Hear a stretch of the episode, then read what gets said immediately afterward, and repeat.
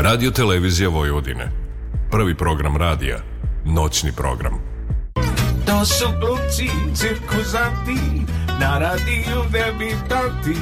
Ne može im niko ništa, daje ni pozorišta. Kakav absurd parodija, koji dovo? Misterija, amateri, diletanti, alkosi i prevaranti. Sonja Šmira, bez manira, stalno nešto afektira. A še tako, primadona. Loša gluma, bez pardona. Aj Laza, komendijaš, deklamator, lakrdijaš. Nije li to ironija? Patos gluma, tragedija. Šta će oni na radiju? Kao vode emisiju. Kad će biti, šta si rekao? Posle 12 kazo neko. Ne pitam to, kojim danom? Sredom na četvrtak rano. E da vidim i tog čuda. Baš me briga, nisam luda. Sonja i Laza.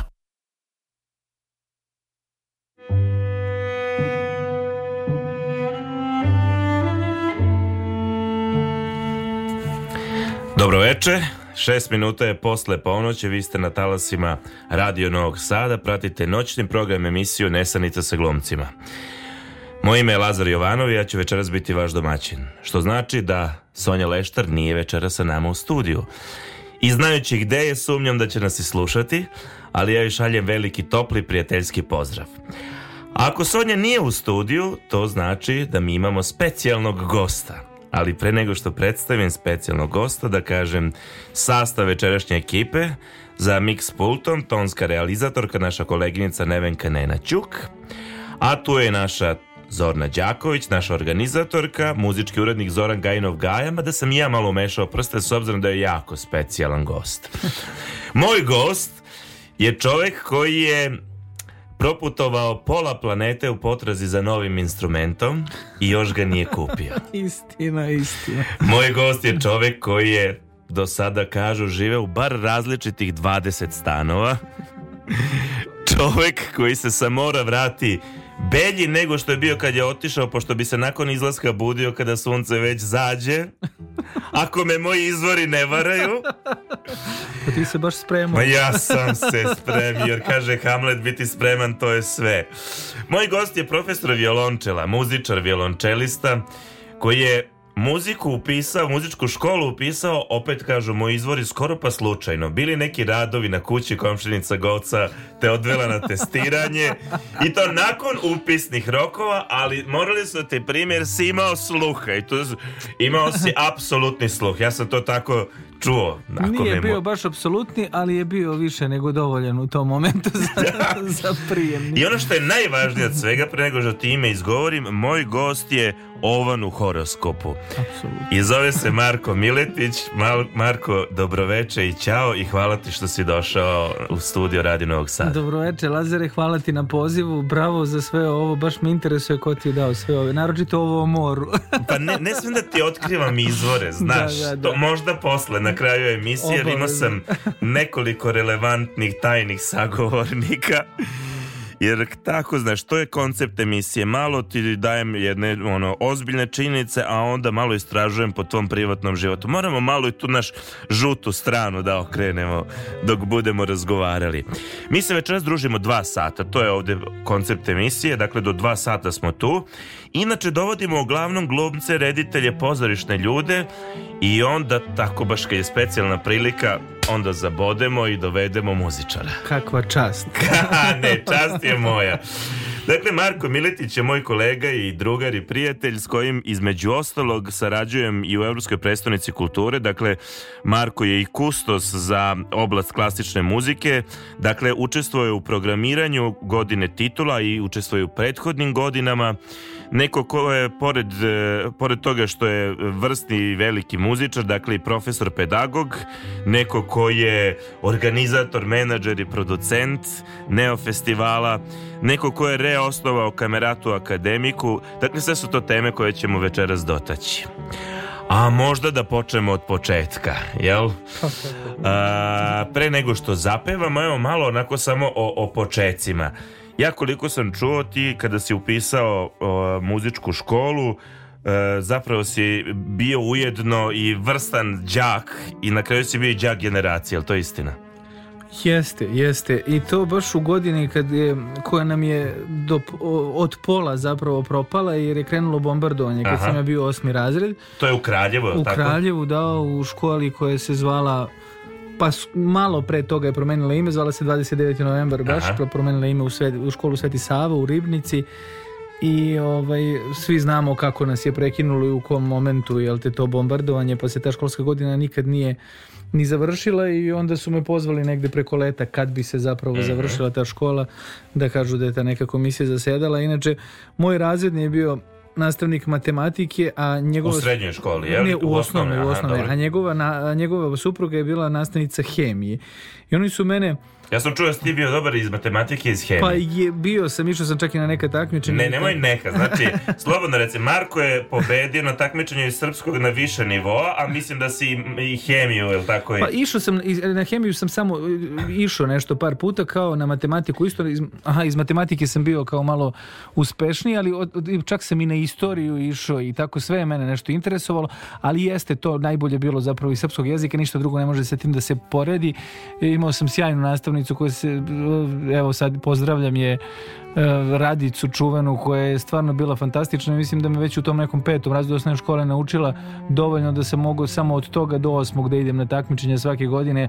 Ostajali smo redovno na tim nekim Ona je predavala srpski. srpski jezik, da, Da. tim nekim dodatnim nastavama, ovaj, pogotovo svaki dan. Ona je uvek bila raspoložena za to, tako da ako smo mi imali vremena, ako ja nisam imao muzičku školu posle toga, time smo se bavili, to je nama bilo zanimljivo, ona je znala vrlo lepo to, onako poput kvizova nekih da organizuje tu dodatnu nastavu i to se nekako sve samo. Mno- mnogi su ovaj, iz nje, iz nje, od nje ovaj, odlazili na ta takmičenja i bili, bivali vrlo uspešni, tako da eto, to su baš lepe uspomene. Dugo nisam ni pričao, ni razmišljao uopšte o tome. A I dođe vreme kad e, treba. Da, i Jer sad, moji- sad si me baš ganao što uopšte pominješ te stvari, jer ja se zapravo, ja ne znam da li moji najbliži znaju neke od, od tih stvari, toliko dugo se uopšte nisam... Moji izvori kažu da, pored svega toga što si ti bio odličan đak, ti si se non stop igrao sa, sa društvom, dakle, nije ti manjkalo toga, što obično nečeg, ne, ne, nečega manjka u takvom dinamičnom životu kada se i sviraš, a svirao si i vežbao si prema mojim izvorima po 8 sati dnevno. Pa, dobro, to su sad neka pretirivanja kad se, kad se društvo i ne znam, brati i tako dalje u, u letnjim mesecima igraju i po ceo dan su napolju i sve to i kad čuju da je neko u sobi, njima je to već 8 sati. Da, to već da, im je da, da. dovoljno da, ti, da te nisu videli ono par Ali dana. majka je jednom tela te kritikuje jer je mislila da nisi ozbiljno shvatio takmičenje i da je onda Radica zvala i, Da, da, da, da, i rekla da se pa- osvojio sve nagrade. Da, da, da, pošto ma, u jednom momentu taj moj razredni o kom sam počeo da pričam i njegova supruga su me već ostavljali na na nekim časovima koji nisu bili ni dodatna ni dopunska nastava, već su imali kao ozbiljne razgovore sa mnom i ja sam onako dolazio malo uplašen da vidim o čemu se radi, a oni su se svi urotili da ovaj, mene ubede da ja ne upišem srednju muzičku školu zapravo. I slična situacija je bila i u mojoj kući u stvari, pošto eto kao meni je to tako išlo, ta osnovna škola, sve je išlo ok i, i, ovaj, i sad, naročito u to vreme koje, mislim, 90. godine Da, nisu da, da, bile da. baš najlakše ni za koga i ni za jednu profesiju i sad kamoli za nekog Znači, ubeđivali umetnika. ste da ne upišeš muzičku. Pa da, da, i onda... Ovaj, Znaš da su i mene ubeđivali, samo što su mene ubedili. A tebe su, pa dobro, ali ti nisi otišao dalje od umetnosti. Moji su imali neke druge ideje koje su uglavnom vezane za neke nauke i tako dalje, dalje od umetnosti. Da, da, samo dalje, Da, dalje? tako da ovaj, e, i, i ja sam tako e, u, u toj godini kad je, kad je bilo bombardovanje zapravo, e, pošto nam je to bombardovanje sve pokvarilo, nije se polagao prijemni ispit za srednju školu. Aha. I, nego su se samo kao bod, bodovi iz osnovne škole uzimali sem za umetničke škole. Aha. E, mi smo imali prijemni ispit i sad poslednja ponuda mog oca je bila, ja se sjećam da eto ja upišem gimnaziju pa ti paralelno idi u muzičku školu i sve to što je za mene u tom momentu bilo suludo i totalno gubljenje vremena jer ra- razum, računam da ako se odlučim za muziku to se odlučuje pre Da, nego da. što se upiše srednja škola jer se posle muzički sigurno čovjek ne hvata za medicinu i za ne znam Tako je, tako je. Tako da ja ako sam se odredio i ako ću time da se pa zašto bi sad ja gubio vreme, namirio nekih stvari. I onda ovaj, u gimnaziju sam zapravo samo trebao da predam dokumentaciju, Aha. a u ovoj školi sam morao da polažem. I ja kao slučajno zakasnim i ne predam dokumentaciju. Spotakao sam se na koru od To je bilo banana. kao, e, mislim, naravno, to Da, to mi- je godina bombardovanja, pa nismo imali prijemni. Da, E, da, da, da, I da, ja da, da. onda lepo tako ne, uopšte ne predam to, ostanem samo u domičkoj školi, naravno to su vrlo brzo meni roditelji oprostili i inače podržavaju me i, po- i podržali su me u svemu.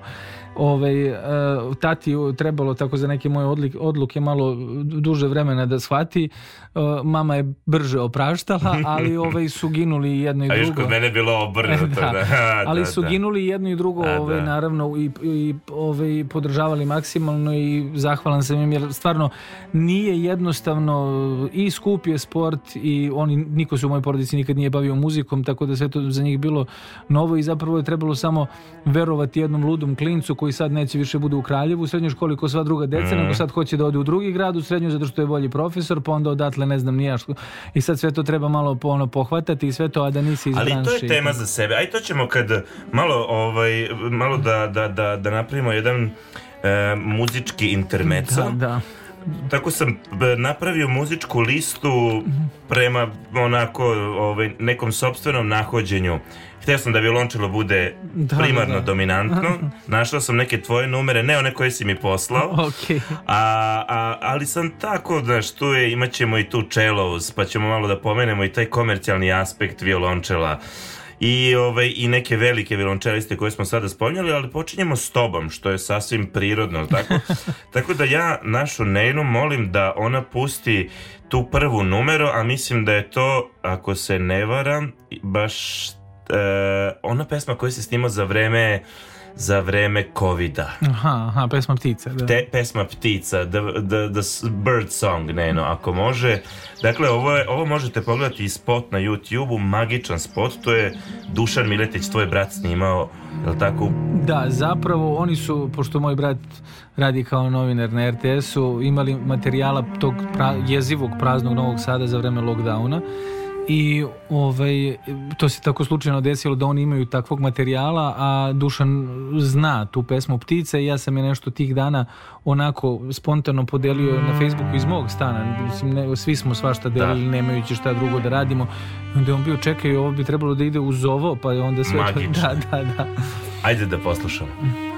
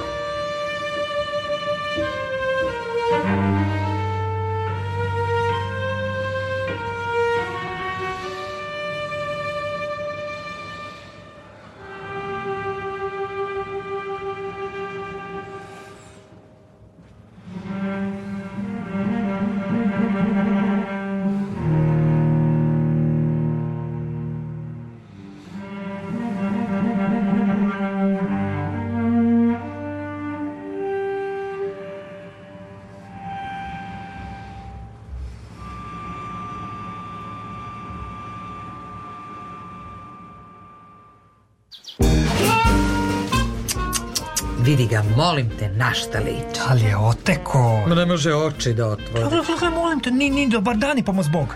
Komšija, meni je tu nešto sumnjivo. Svake srede u isto vreme on izlazi iz stana, vraća se kasno pred zoru. Ma, ma to znam, nego znate šta je sumnjivo? Ranije je bila neka lepotica s njim, a Da. sad se pojavilo treće, NM lice. Ma komšija, priča se da je on glumac. Moj pa ja. Ja ga nikad na filmu nisam videla. Ma, komšnice, znate šta, mene i dalje kopka, ko je to NM lice? Ne brinite, saznaću večeras i onako ne mogu da zaspim celu noć. Nesanica sa glumcima.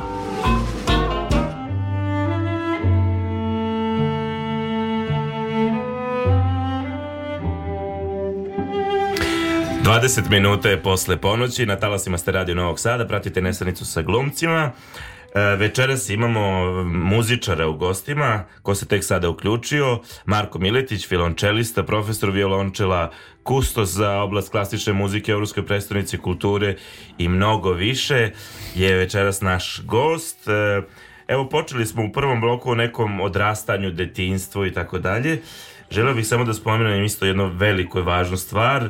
E, Tvoja prva ribica se zvala kao veliki violončelista Mstislav Rostropović. Da li je to tačno? Zvala se Mstislav samo, A, Mstislav. da, da, da, a nažalost nije nam potrajala, to sam dobio, dobio sam dve ribice od tetke za rođendan i ovaj, nešto su obe brzo uginuli, jako mi je žao što je tako, ono nešto mi nije bilo suđeno sa tim, e, ovaj, sa, sa, sa ljubimcima, imali smo pse naravno uvek e, u, u, u Mstislav sam dvorištu. po sebi je čovjek poživeo. Da, on je poživao mnogo duže, da, da, da, ali ovaj, nije mi to baš, nije mi se svidelo nikako to što, čim sam dao to ime, ovaj, što je par dana posle toga se ono izvrnulo u tom akvarijumu i to, jeste, istina je, to je, to je, ta, mislim, to, to je moj idol ne samo iz mlađih dana, nego već e, mislim da će vjerovatno tako i da ostane do kraja života. On je čovjek koji je stvarno zadužio ne samo violončeliste, nego, nego muzičare i ne samo klasične muzičare, ono, muzičari i muziku Aj kad si uopšte. ga već spomenuo, eto, pa malo pravimo digresiju, ali Mhm. može nam se,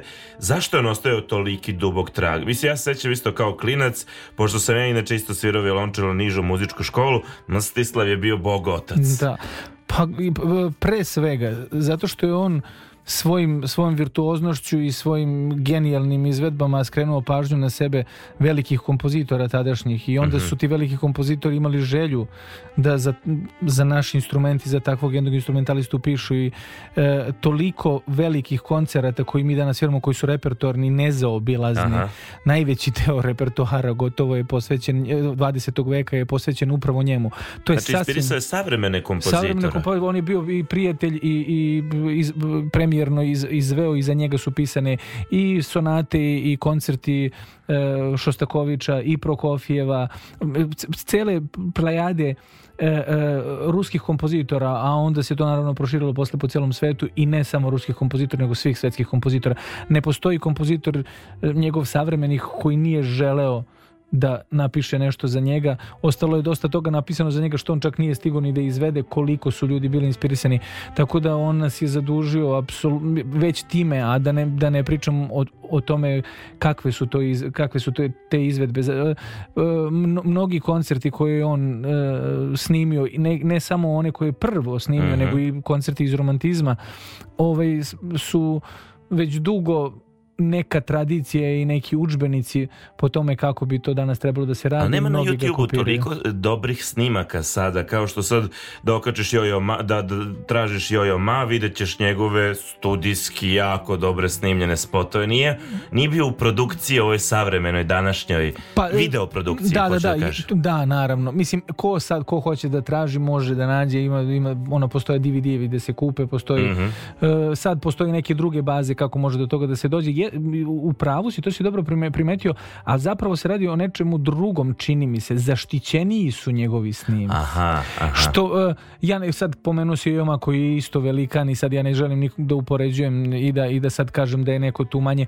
ali jeste, mnogo ćeš češće da nađeš Jojoma i mnogo je izloženiji i mnogo ćeš lakše da dođeš do njega. Zaštićeniji su zapravo snimci ovaj, e, Rostropovićevi i nije tako lako Ili je doći možda do i nekih vreme stvari. se za tih 20 godina se promenilo toliko da je već kad je Jojo Ma došao na scenu, već je nekako multimedija uzela primat i ta videoprodukcija postala važnija od, od isključivog audio segmenta. Pa verovatno i Jojoma je svakako bliži tome o čemu sad ti Mm. pričaš, on je uh, savremeniji, jel te, kad su tako stvari u pitanju, njemu je tu sve apsolutno jasno i o, ovaj, njega ima na Da, sve da, strane i sve to što ne umanjuje njegov kvalitet ni Naravno. promil jedan, on je fantastičan čak uvećava zato što je ovaj, e, prišao ljudima.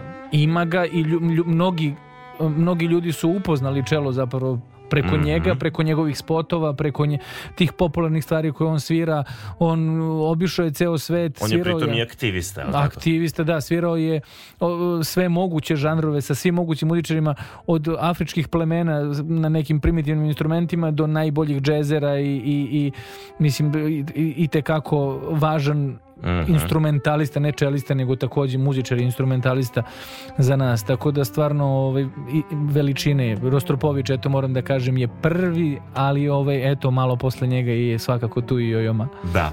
Ti si, e, evo ovako koliko sam ja e, e, dobio podatke o tebi, a mislim toliko stvari ima koje ja nisam znao o tebi, a znamo se već sada godinama, što stvari jako dobro. Ovo, 2011. godine ti si dobio veliku stipendiju za program Artist Diploma of Performance Da. e, i to na Columbia univerzitetu. tako? Kolumbus, uni- na u- univerzitetu Kolumbus, da. Aha. U Đorđi gde baš, eto, kad pominjemo Rostropovića, e, ja sam od, birao taj Kolumbus zbog profesorke koja je godinu dana pre toga stigla tamo, ve, čuvene Wendy Warner, koja je zapravo... Mhm. Ona je Rostro- vodeća isto Pa je, da, svoje generacije, verovatno. E sad, to je u današnje vreme stvar koje ja ne volim da se gađam takvim, pošto vrlo često se to vidi u biografijama, vrlo se često tako najavljuju umetnici i sve to, ali to u klasičnoj muzici ne mogu da kažem da bi trebalo uopšte tako da se, naravno marketing je to neki, Da, da, da, se da. privuče publike i tako dalje.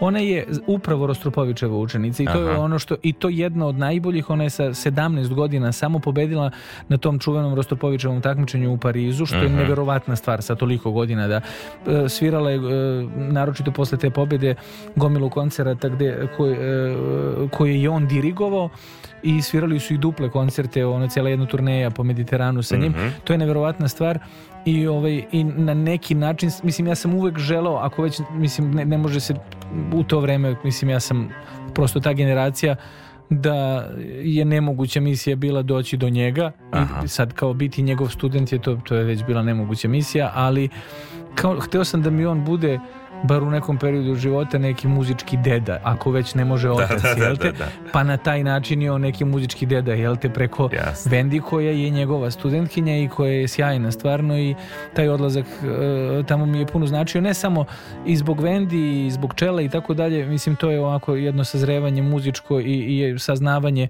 o tom svetu i o tom životu nekom drugačijem, malo i nekom sistemu drugačijem od ovog našeg ovde, ovaj, koji, mi je, koji mi je stvarno puno značio, promenio mi je dosta toga i Šta ti je, šta, šta ti je promenilo i šta ti je e, donelo to školovanje tamo, odnosno usavršavanje? Pa ja mislim da sve ovo što si ti nabrajao večeras što se desilo posle toga, Aha. kad pomeneš Neo festival, kustosiranje, kameratu i tako dalje, sve te menadžerske, produkcijske stvari, e, e, sve te ambicije i uopšte tu, taj, tu energiju i takve stvari, mislim, ja sam e, krenuo sa kameratom pre nego što sam tamo otišao, ali mno- mnoge ozbiljne stvari su se desile posle Amerike.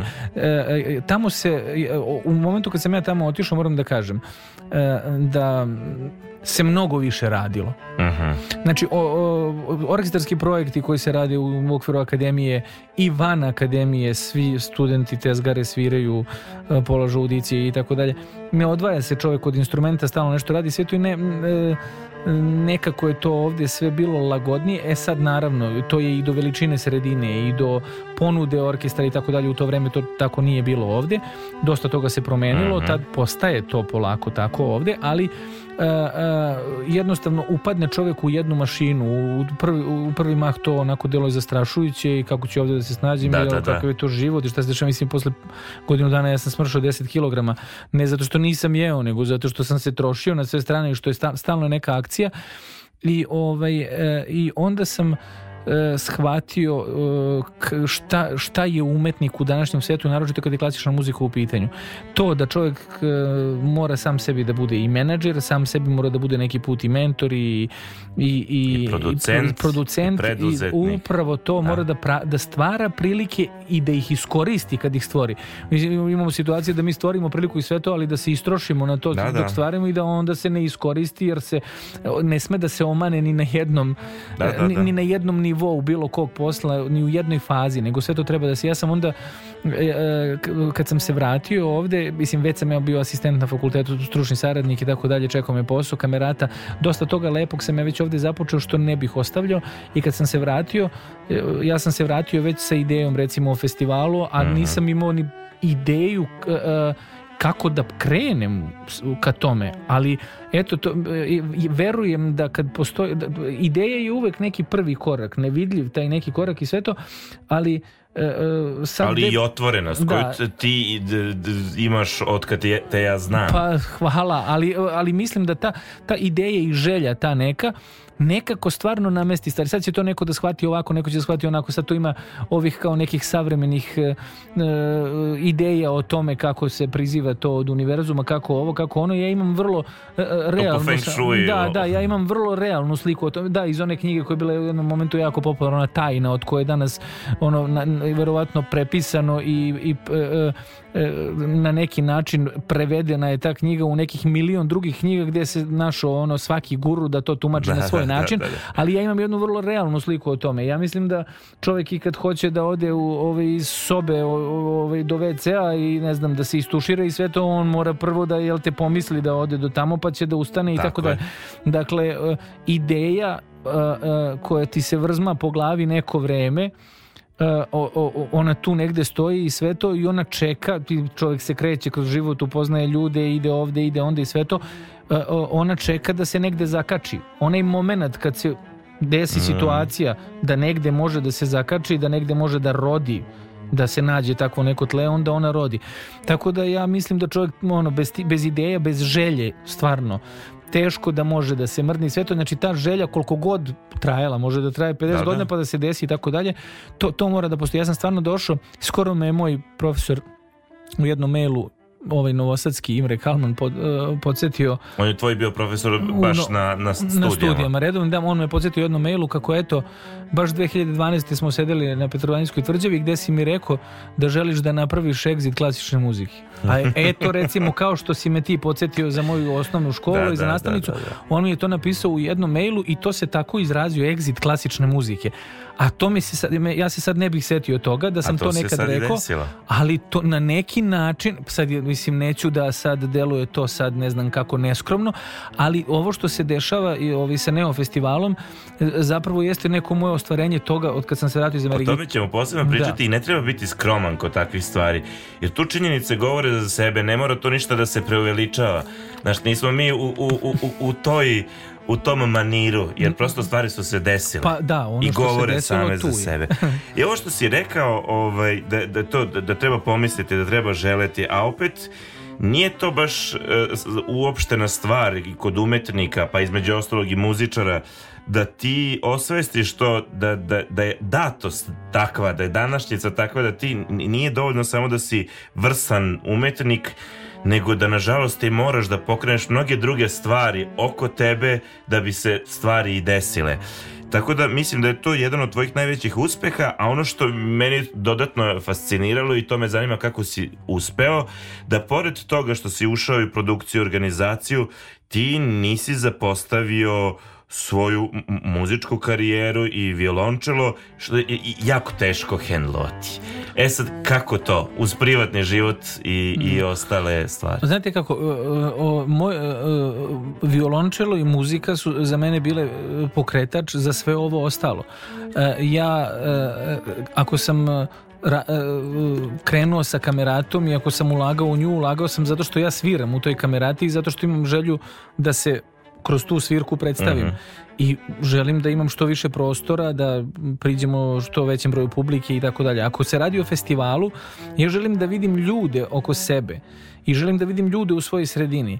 od kojih mogu da pokupim nešto kako bi i ja napredovao. Želim da imam konkurenciju koja je zdrava i koja je iznad E, mislim da sam Ramba Amadeusa čuo nekad u nekom podcastu ili tako nešto da je rekao nešto što mi je super i evo sad mi je ostalo, a i, prek, i prekjuče smo pričali pa sam se sad setio da je on to rekao. Kaže, ne, da mu je prijatelj neki rekao da je dobro uve- uvek imati bar trojicu ili ne znam koliko on rekao prijatelja koji su pametniji od tebe. To je velika istina, mislim, e, jako bitna stvar, a naročito za umetnika jeste da bude u sredini u kojoj ima u kojoj ima konkurenciju, u Da, kojoj da, da, ima koga da juri.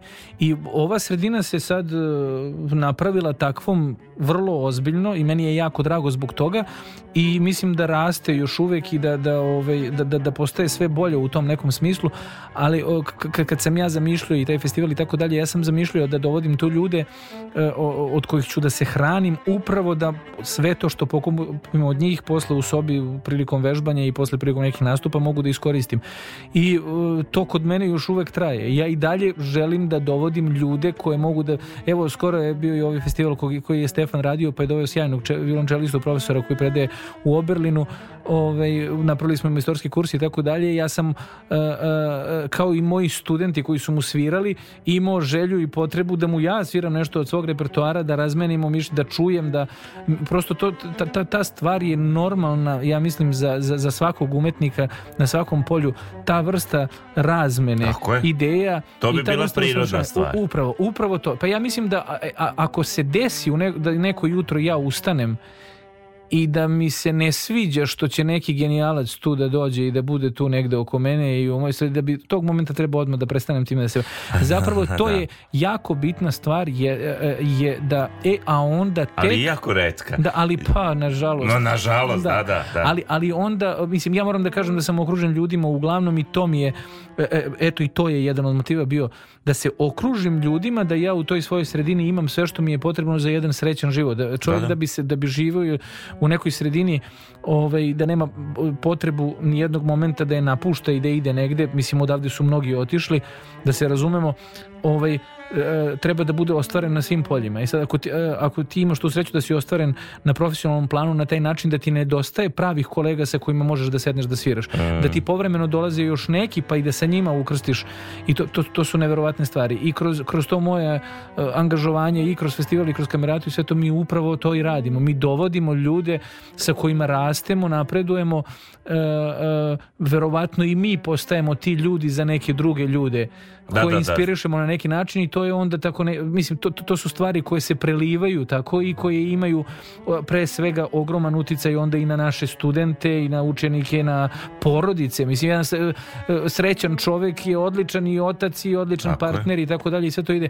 Neostvaren uglavnom e, nije baš sjajan na svakom polju ili mislim ono to je moje neko dosadašnje iskustvo. Tako da da a, a, e, e, ako, ako bi ja prestao da se bavim time, ako ja ne nađem e, e, taj sat ili dva ili tri i na kraju nekog dana kad sam umro od produkcije i od ne znam nija čega ovaj, za sebe i za svoje vežbanje i ako ja ne budem spreman kad dođem na probu kamerate a ja je kao vodim i trebalo bi da budem kao svojim primjerom da pokažem tako nešto e, a, onda bi mi bilo obesmišljeno i sve ovo ostalo. To bi bio moment kad ja onda verovatno više ne bih imao e, neko veliko interesovanje ni za sve ove druge stvari. A te druge stvari e, e, stvarno, mislim, u ovoj zemlji ne moram nikom da objašnjavam da ne radim niti bi bilo ko verovatno radi da bi postao bogat ili da bi ne znam ne mislim nego znači Naravno. ono Onda bismo bili u privredi. da da da tako da Ajde ovde onako da stavimo zarez,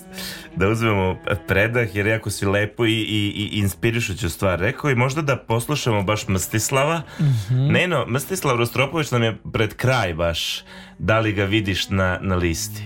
Ajde da poslušamo onako simbolički Mstislava s obzirom da nam je obojice bio uzor, tebi Da. profesionalni, meni amaterski, ali... Pa neko vreme i tebi bio profesionalni. Da, ti da. ne pričaš ovde da si ti krenuo sa violončelom kod profesorke Jutke. Tako je, ali, I da smo kažem, mi kolege zapravo.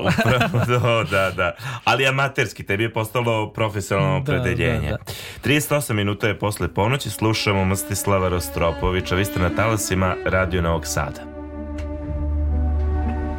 Mm-hmm.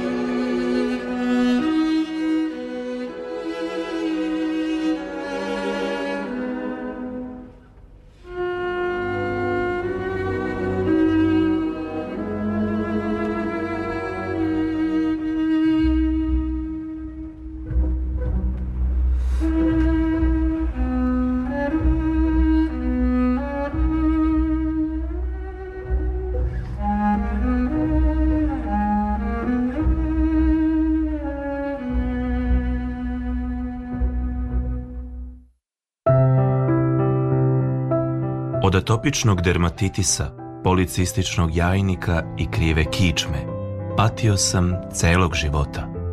Od kad slušam emisiju Nesanica sa glumcima, ništa se nije promenilo, ali žena mi se ugojila. Posebno sam radosna dok moj muž sluša nesanicu sa glumcima, on se više ne nadima. Er sam bila dobra? Nesanica sa glumcima.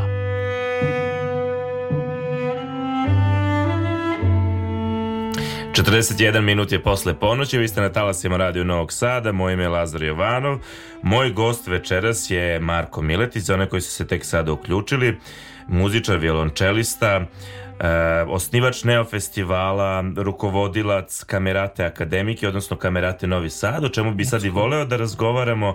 Kaži molim šta smo sada slušali od Rostropovića? Slušali smo Andante Cantabile Čajkovskog i ja moram da kažem da si mi tako uh, ulepšao veče i zapravo si na neki način zaokružio njegov opus za čelo zato što uh, na današnji dan, jel te? E, Danas u 5 sati je, je u Sanu bio e, koncert na, najuspešnijih studenta Akademije umetnosti e, na kom je moj student Aleksa Penjić odsvirao e, čuveni komad Peco Capriccioso upravo od Čajkovskog i tako je krenuo jel te Čajkovski danas pa se nastavio u Srpskom narodnom pozorištu gdje je Miša Majski čuveni violončelista st- jedan od studenata Rostropovića e, oč- očuvan po tome da je jedini student obojice velikana koji su živjeli u to vreme e, Gregora Pjetegorskog i Mstislava Rostropovića večera svirao još tri e, e, kompozicije Čajkovskog rokoko varijacije odsvirao je Ariju Lenskog iz Evgenija Onjegina Aha.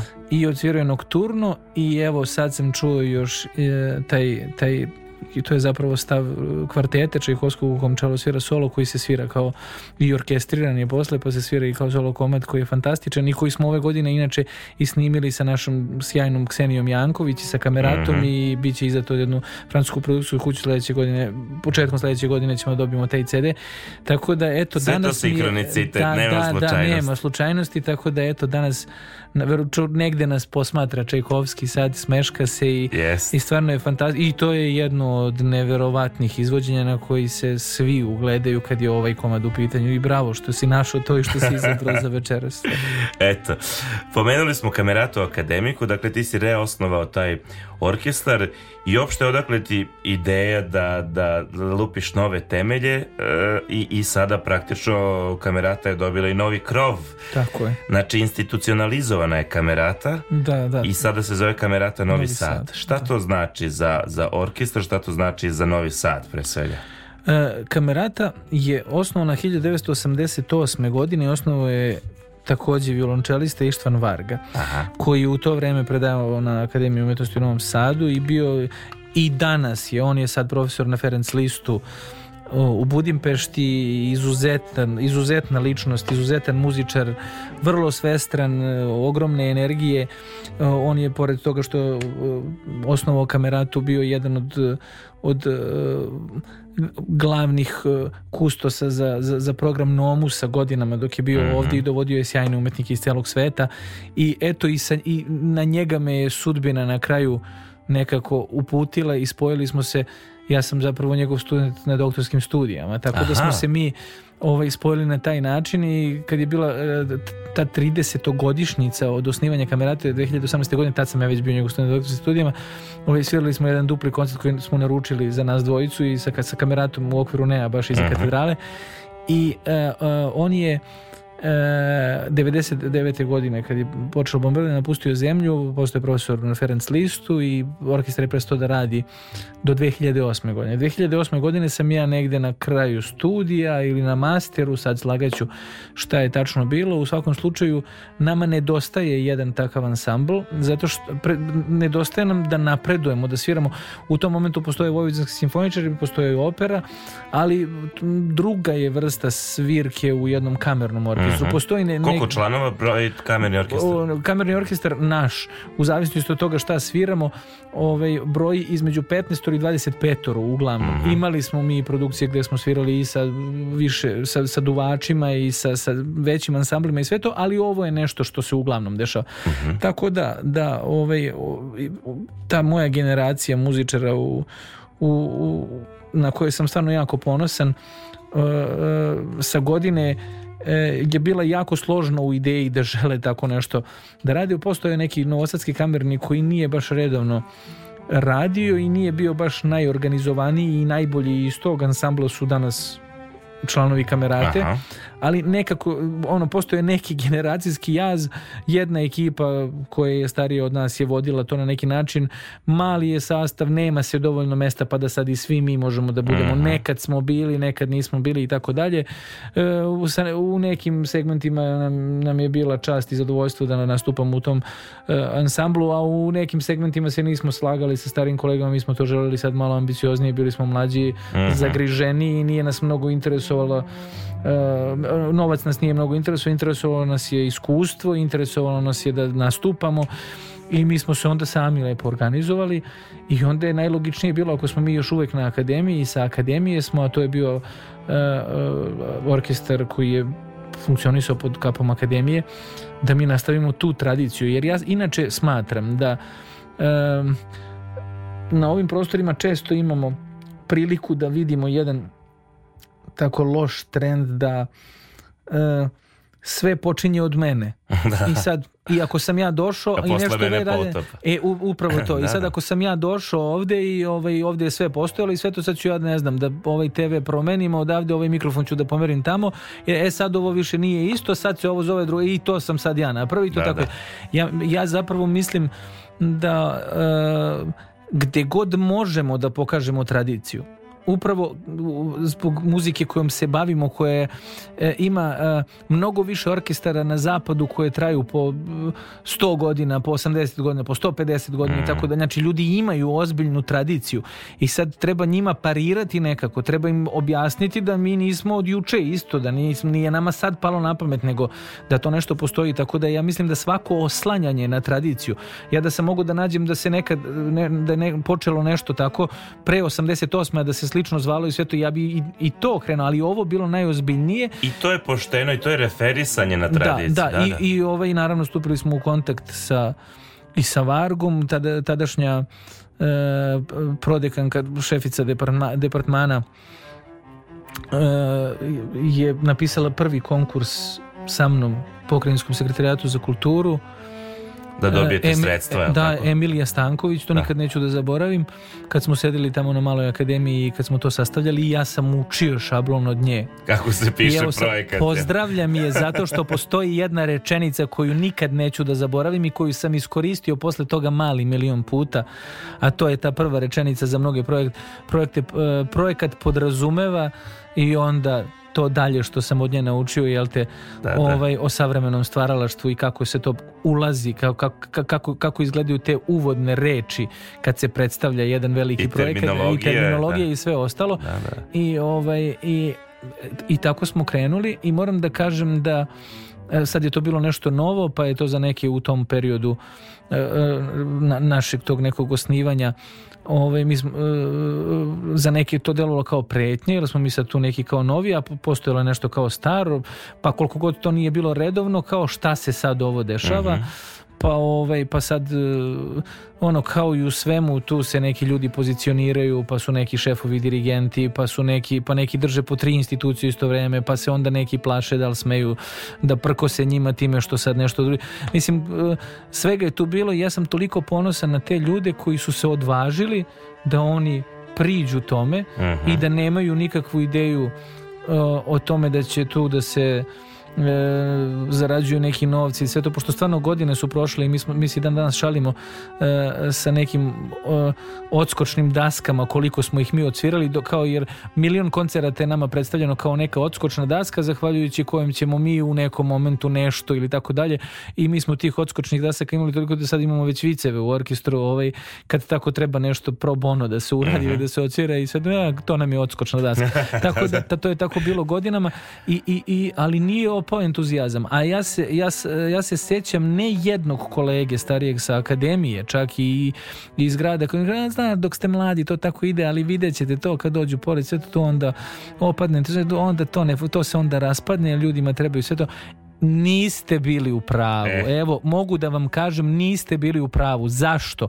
Zato što od nekih 20 članova najčešćih koji uglavnom sviraju u mom orkestru, od onih koji su prvi koncert svirali, danas su tu gotovo svi sem onih koji su se iselili jer su bili za vreme studija tu Da. pa su on pa ih je život onda ili vratio u svoje gradove ili poslu u inostranstvu i tako dalje a da ne kažem da imamo članove koji su otišli u te druge grade. mi imamo e, našu Minu koja, koja je Mladenović koja je otišla za Beograd pa je sad u Zrenjaninu i tako dalje koji je dalje naša članica i dolazi dolazila iz Beograda sad dolazi iz Zrenjanina i svira i to, to su neverovatne stvari ja sam toliko zahvalan tim ljudima i, i, i e, e, toliko je to porodica jedna sad postala da, da je ovaj to je sjajna jedna nadogradnja u životu ono pored svoje porodice pored sve, svega imati još jednu takvu porodicu i ljude sa kojima tako stasavaš profesionalno i toliko se već dobro znate svi svi znaju sve o svima i, i, i to tako lepo funkcioniše i po, po- povezaniji smo sigurno E, ja sam imao iskustva sa e, upoznao sam ljude u različitim ansamblima profesionalnim gde se ozbiljne pare zarađuju, gde se sviraju ozbiljne audicije i tako dalje i sve to, ali postoji taj jedan moment profesionalizma kad se položi audicije i sad dolazi neko ko je s drugog kraja sveta, nikad ga nisi vidio, nisi ga čuo, pa će on možda tu da ostane dve godine, možda četiri godine, možda godinu dana, možda će odmah da ode, možda će da ostane do penzije, to se nikad ne zna, ali to tako funkcioniše. A ovo je jedna totalno druga priča koja je organska. Mi smo studirali zajedno, pa neki su bili malo pre nas studirali, neki su malo kasnije, ali smo svi u istoj sredini gde smo onda kroz iste orkestre sa istim profesorima imali posla, prolazili, ono, sticali zajedno ta iskustva i zajedno se tako formiramo, zajedno rastemo i to se tako vidi. I od te 2008. godine, mi smo 2018. tad kad smo naručili taj koncert i kad smo Vargu pozvali, slavili 30 godina od osnivanja, a 10 godina od reosnivanja. Nekako se desilo da su obe cifre Aha. okrugle, a evo sledeće godine 23. je to 35 godina već od osnivanja i 15 godina.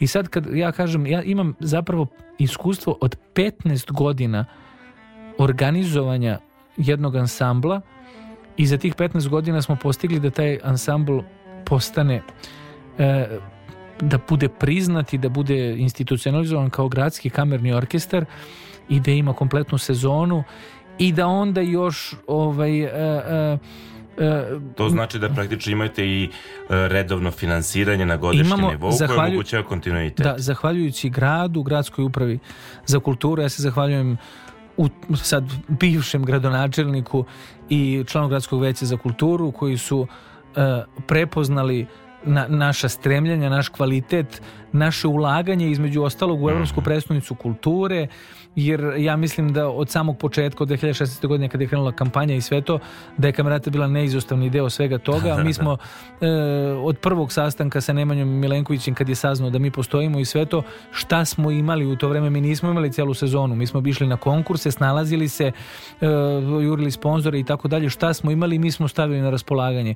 Jer I koncert, ja se sećam koliko si ti toga i tvoje kolege, koliko ste vi stavljali sebe na raspolaganje i koliko ste se investirali u tom periodu i koliko je to u stvari jedna neophodnost da bi se došlo do toga da ipak na kraju dobijete priznanje koje nije palo s neba, nego je baš rezultat ogromnog vašeg odricanja. apsolutno, i, i, i ja moram da kažem sve je vredilo. Da, da, da. Znači mi da, smo se, apsolutno je tako bilo, bili smo spremni na sve, bili smo uvek tu za tu ideju, verovali smo u nju pre nego što smo je dobili, kad smo je dobili nastavili smo da je, raz- da, da je razvijamo, osluškivali smo potrebe ljudi koji su iz branše i koji nisu iz branše, eksperimentisali smo, nije nam bilo strano. Dosta toga, mnogi su nam se čudili, neki su negodovali, neke kolege za neke naše poteze i sve to.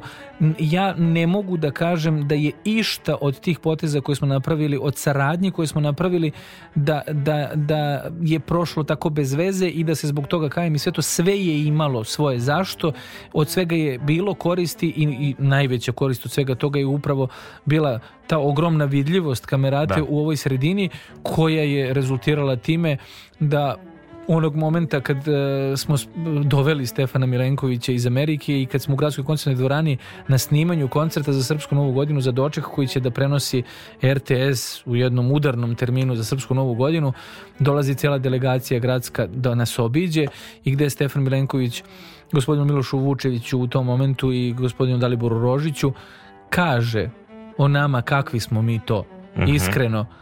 E, I sad mi smo tu u toj novoj gradskoj koncertnoj dvorani, prvi koncert treba da se desi i ti vidiš da ti ljudi već to znaju i da im to ništa nije novo Da, da. i čak zbijaju neke šale zato što i tekako znaju jer malo pre toga smo bili na trgu naš kvartet ili ne znam nija šta sa Bajagom pa sa Neletom Karaljićem pa sa Božom Vrećom pa to su te saradnje koje su dovele do popularizacije orkestra u širim nekim krugovima a van toga o, svakakve produkcije od, od te najbitnije u kampanji sa Stefanom iza katedrale pa preko onih velikih produkcija u To je bilo u Mercatu. periodu kandidature Novog Kandidature, Sada, da, to je pa taj bio onda- veliki koncert. Da, da, da, pa onda u, pa, pa smo onda eksperimentisali s većim ansamblima u Merkatoru, pa na svakakvim otvorenim pozicijama i tako dalje i to prosto se znalo i baš u tom momentu e, be- e, bez, bez, bez toga da sad mi obijamo neka vrata i nekom nešto objašnjamo i sve to u toj gradskoj koncertnoj dvorani u tom divnom momentu kad mi jedan tako veliki i bitan koncert imamo koji će da sluša cela Srbija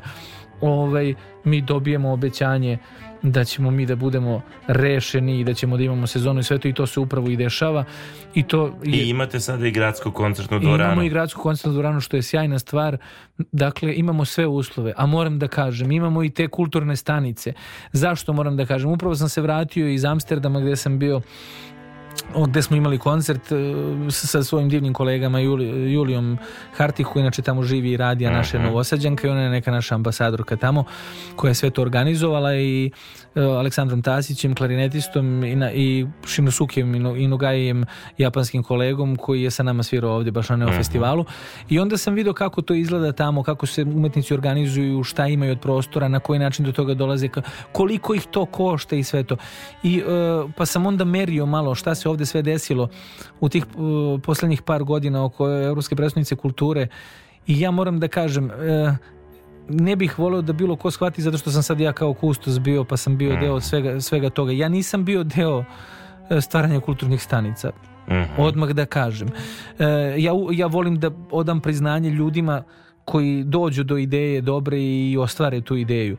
E, kao i sa Stefan, dovođenjem Stefana Milenkovića koji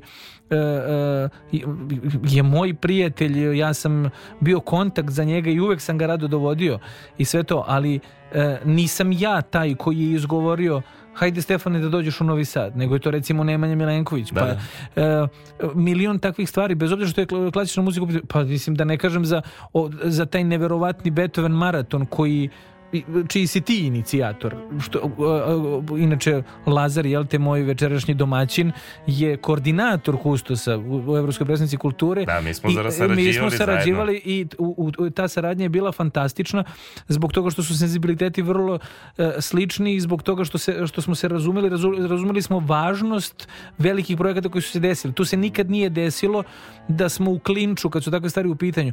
Uh, takve su se stvari prepoznavale i eto ako La, je Lazar r- koji je glumac prepoznavao stvari koje mislim uh, koji su klasičnoj muzici uh, uh, na taj način da tako ogromne stvari izdvoji da se za njih zalaže na isti način kao što bi se ja zalagao i da bude inicijator onda onda je jasno čemu se radi prosto e, e, e, e, dosta dobrih stvari se desilo e, scena ima m, e, neuporedivo bolje uslove Mhm. da se razvija e, neke stvari e, e, ne cenimo možda dovoljno možda smo se čak malo i razmazili ovaj, i to Možda sam zato što ne sad- vidimo šumu od u- gore. upravo to.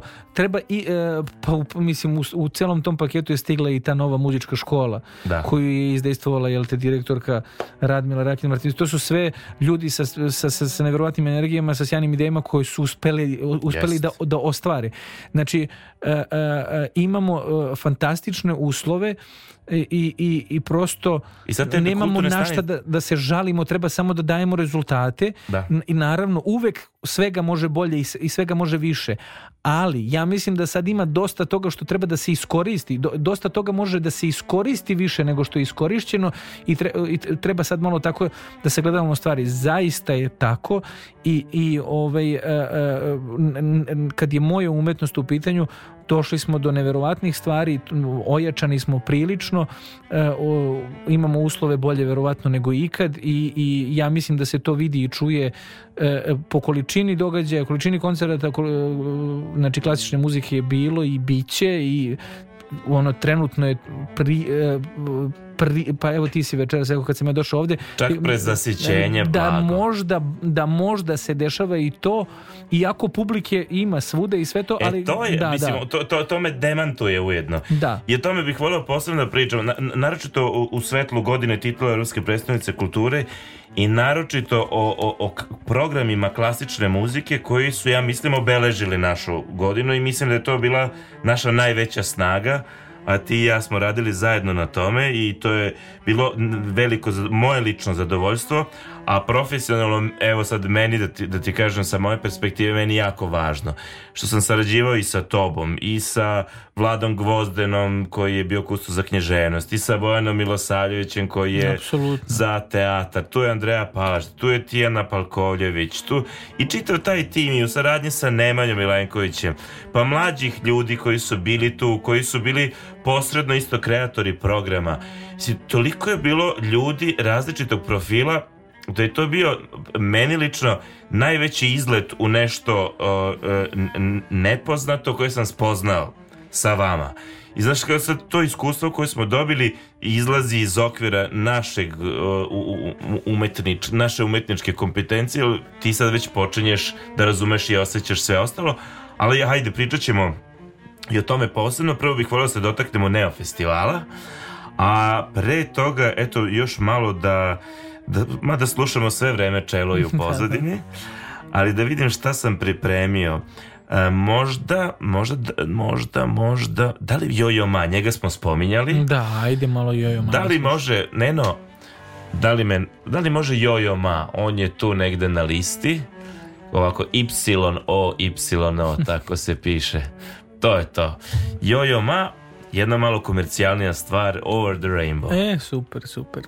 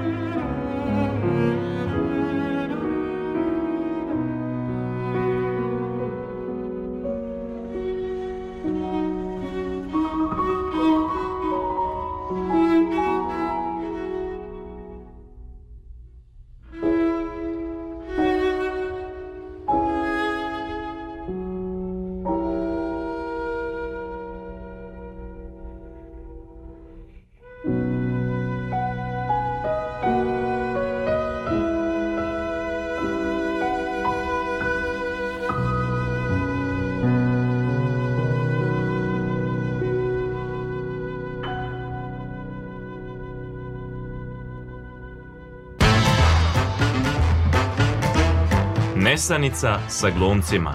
Svake srede na četvrtak. Sonja i Laza.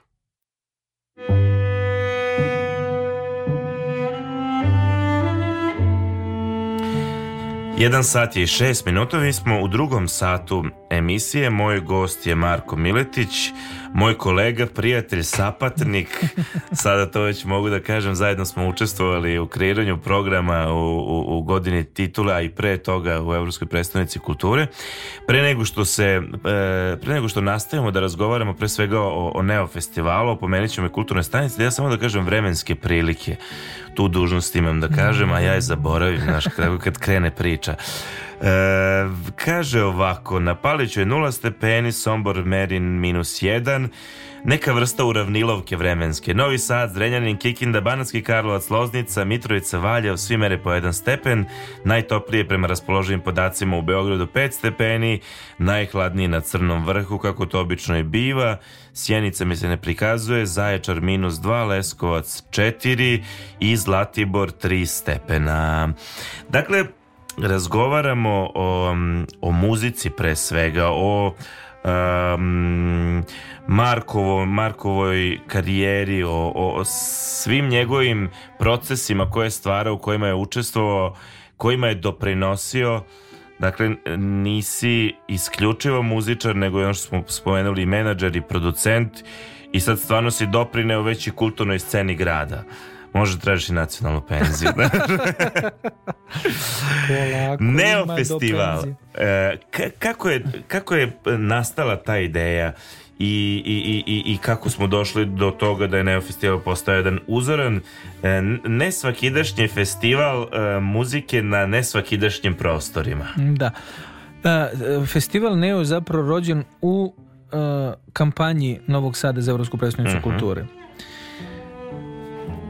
To je znači 2016. 2016. godine sedim ja sad sa mojim velikim prijateljem e, Ljudevitom Boričićem Simom, Mhm. direktorom firme Via Engineering u e, Atini u bašti sa one strane Da koje- kažemo u restoranu Atina. da, da, da u, u sa, sa one strane iza katedrale dakle ne ona koja se vidi sa Aha. trga iza katedrale i sa, sa svojom prijateljicom Ivanom Vojnović kompozitorkom koja mi je upoznala sa Simom i tako pričamo o muzici, o svemu on je veliki ljubitelj klasične muzike i Ivana pomene u nekom momentu Stefana sa kojim smo mi već sarađivali i on meni kaže, ti znaš Stefana? Pa rekao, znam. Možeš da dovedeš Stefana Milenkovića? Pa mogu da ga dovedem. Jel možeš da dovedeš Stefana Milenkovića da napravite koncert ovde? I pokazuje, pošto sedimo tu u bašti, pokazuje na, na trg, iza, na plato zapravo, iza katedrale. Divan plato Da, i da. divno mesto za koncert na otvorenom. I ovaj, mi u tom momentu još uvek nismo gradski orkestar, još uvek e, pišemo konkurse na sedam napisanih konkursa prođemo na jedan, dva i tako dalje. Neke stvari možemo da planiramo, neke ne možemo. Nije baš da možemo da planiramo baš e, dovođenje velikih solista, plaćanje hotela, avionskih karata, pa još i honorari i tako dalje. Međutim, on se ponudi jel te da isfinansira solistu da okupi sponzorski pool Mhm. i kaže ajde da napravimo to na ovo leto. Malo posle toga ja dobijem telefonski poziv od Nemanje Milenkovića koga nisam poznavao, ne znam o čemu se radi. Novi Sad kreće u kampanju za Evropsku predstavnicu kulture, on upoznaje scenu, saznao je za naš orkestar, hoće da priča o nama, da vidimo kako možemo. I mi se nalazimo ponovo, sad ne u bašti Atine, nego samo preko puta u bašti Porte, kafića preko, znači sve nešto tu se dešavalo, tu je krenulo sve. I ovaj i pričamo i sad on kaže kako kreće ta kampanja, šta bi moglo da se napravi, šta je kako ja njemu kažem pa mi smo već planirali jedan koncert baš sa Stefanom Milenkovićem. On se oduševi i kaže kako bi Stefan Milenković upravo bio pravi čovek da bude promoter Novog Sada kao Evropske predstavnice kulture i odlično je mesto, odlična je ideja, super, ajde da to uradimo. Zajedno nema pro... jel, jel biste vi pristali da to bude deo kampanje za Evropsku predstavnicu? Naravno, nema nikakvih problema. Mi svakako sviramo te ako možemo doprinesemo naravno gradu na bilo koja na kamoli za tako nešto što, što bi trebalo sutra svima nama umetnicima naročito da, da doprinosi duži Tako je. vremenski period tako se i pokazalo da je i tako kreće priča sa koncertima na otvorenom. Mhm. Kamerate i uopšte mojim, e, mojom organizacijom koncerta na otvorenom, tu kreće ovaj, i to je bio 21. jul 2016. godine. U 21 i 21 Da, simbolično. da, sve, dva, sve je bilo 21. E, pun plato iza katedrale. E, posle koncerta Stefan baš prokomentarisao da kad je vidio koliko je tu ljudi i da on od koncerta na otvorenom uglavnom očekuje neke spektakle i poluspektakle, a da je ovo bio pravi koncert klasične muzike koji je samo zvono na katedralu u jednom momentu jel te, ovaj, e, prekinulo na neki način, ali, Ali na i nije. najlepši mogući No, tako je.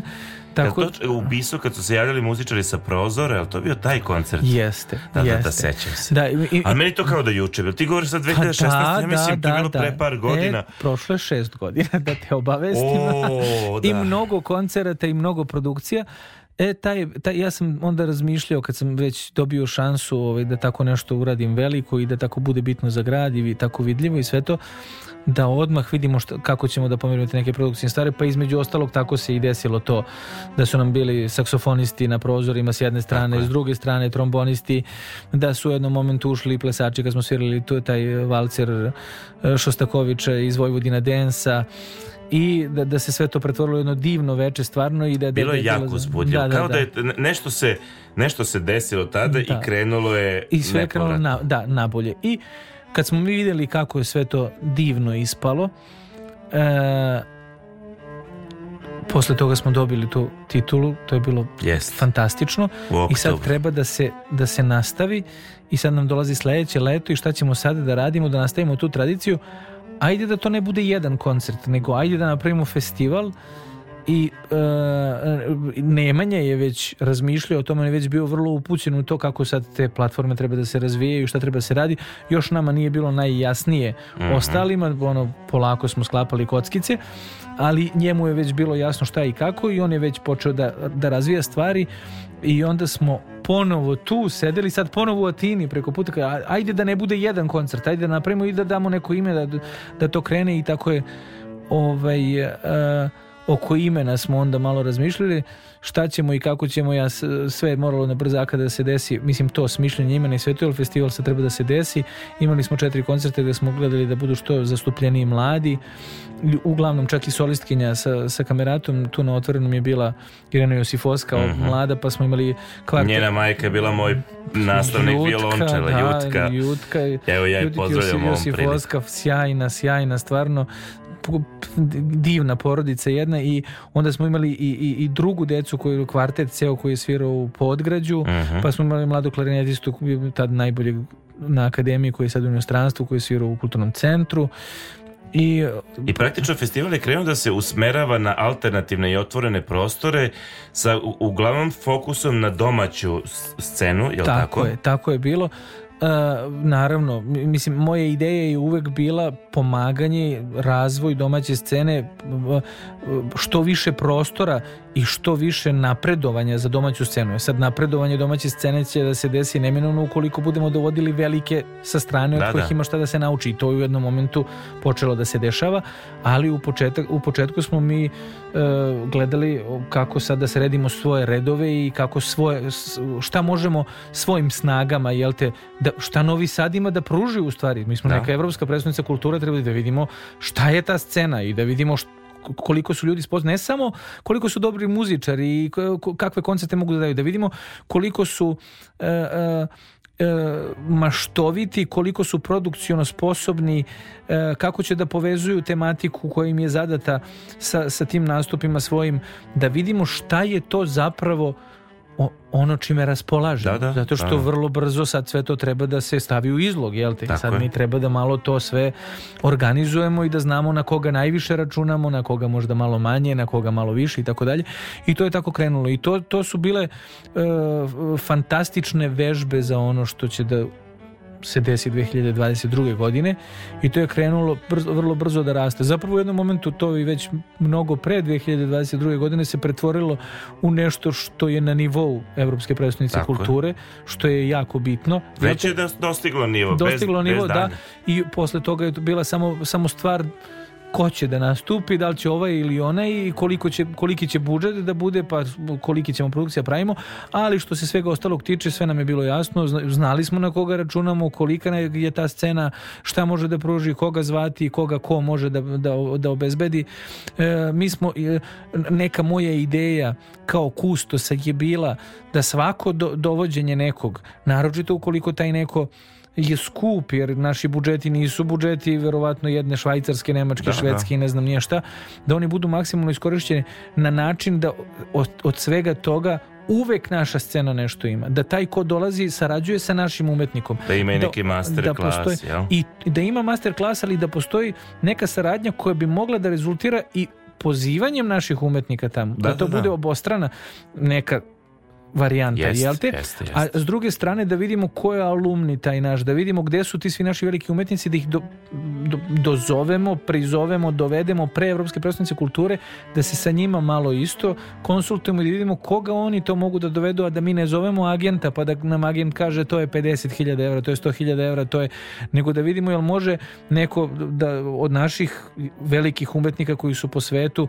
kaže Novi Sad je grad koji treba da obiđeš iz tog, tog, tog i tog razloga prijateljski i da to bude i prijateljska cena i da odsviraš sa tim orkestrom, da odsviraš sa ovim čovekom, da odsviraš solo, da održiš majstorski kurs.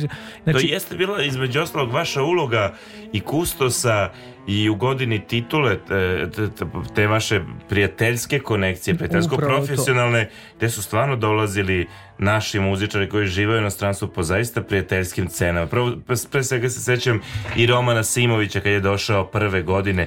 Mislim, to je zaista, je, kako kažemo, učinio nam- je i veliku čast u tom momentu. i čast i to je nevjerovatna stvar bila da se e, e, e, za, za, za taj doček kad je on nastupio sa nama ja sam ga kontaktirao 23. decembra Znači, pred gotovo... pred Da. E, za, za, za koncert majstora Londonskog simfonijskog orkestra jednog od najboljih violinista današnjice Da, da. koji je, jel ti imamo sreću ovde studirao i ovo je isto njegova sredina i ima dosta prijatelja prosto čovjek koji hoće da se vrati da učini, da pomogne neverovatan umetnik koji u tom momentu imao, e, tek završio sezonu paklenu, ne zna se šta je svirao i došao bez violine na taru, ja mislim sa, sa, sa ženom i detetom i kaže mi slušaj, sviraću, ali morate da mi platite kartu da odem kući po violinu, pošto hoće da svira na svom stradivariju, da ne uzima ovde neku, Da, da, da. neku violinu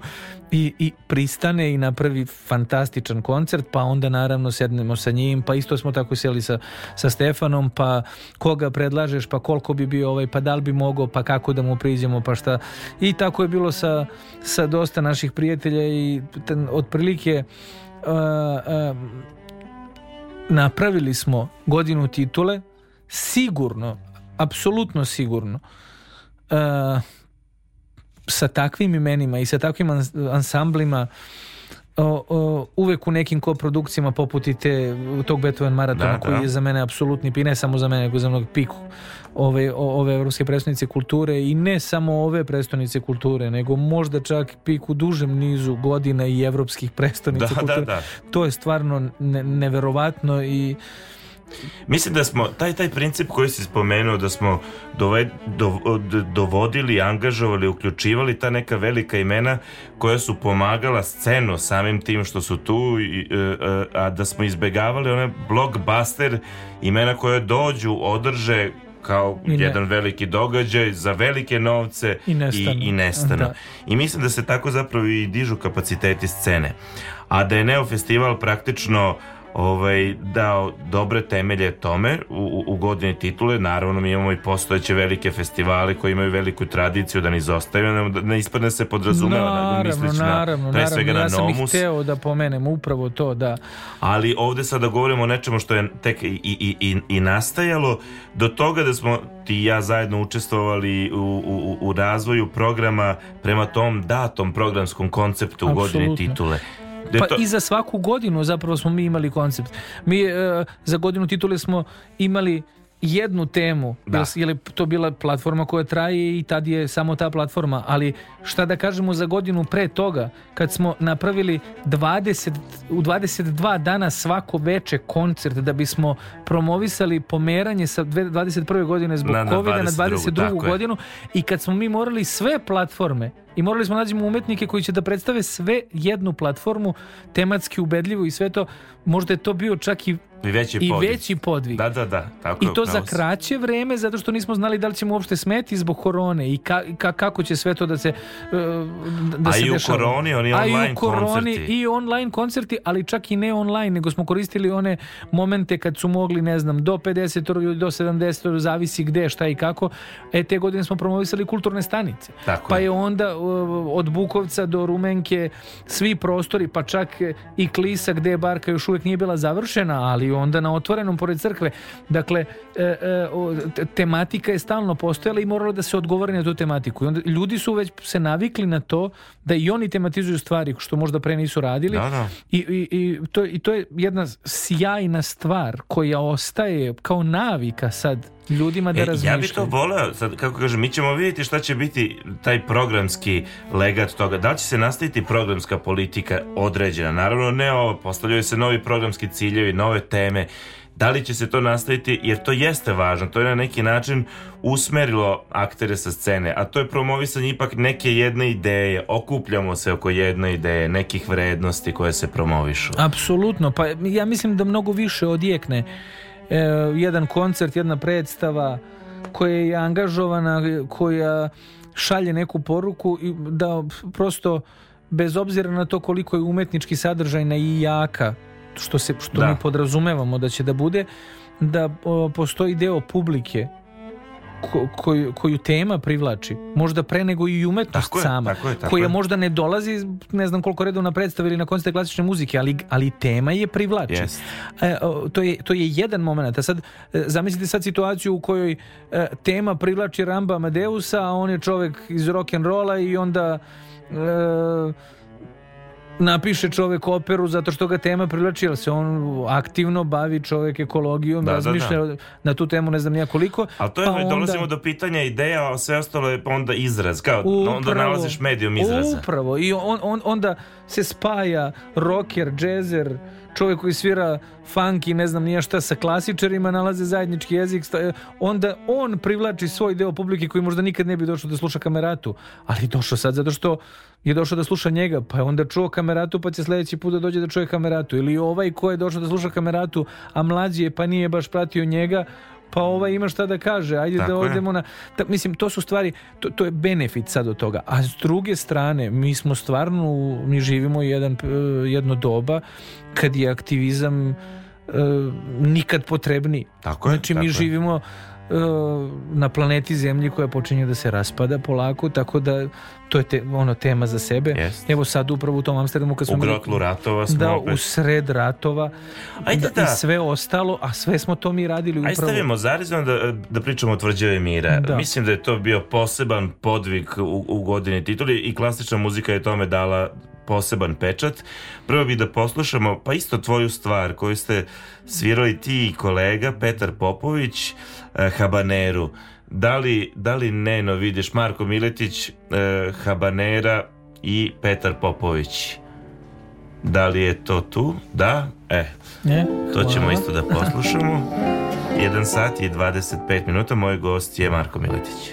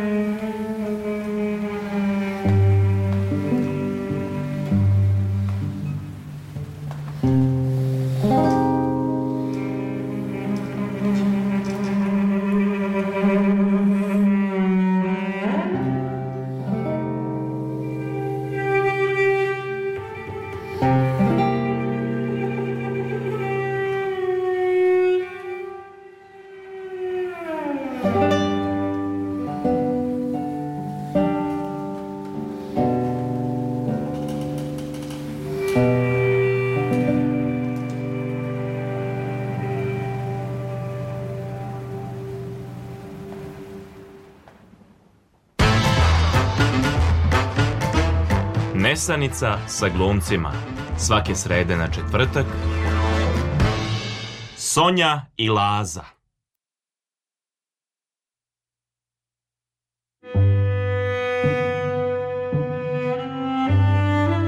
E, večeras nisu Sonja i Laza, nego Marko i Laza.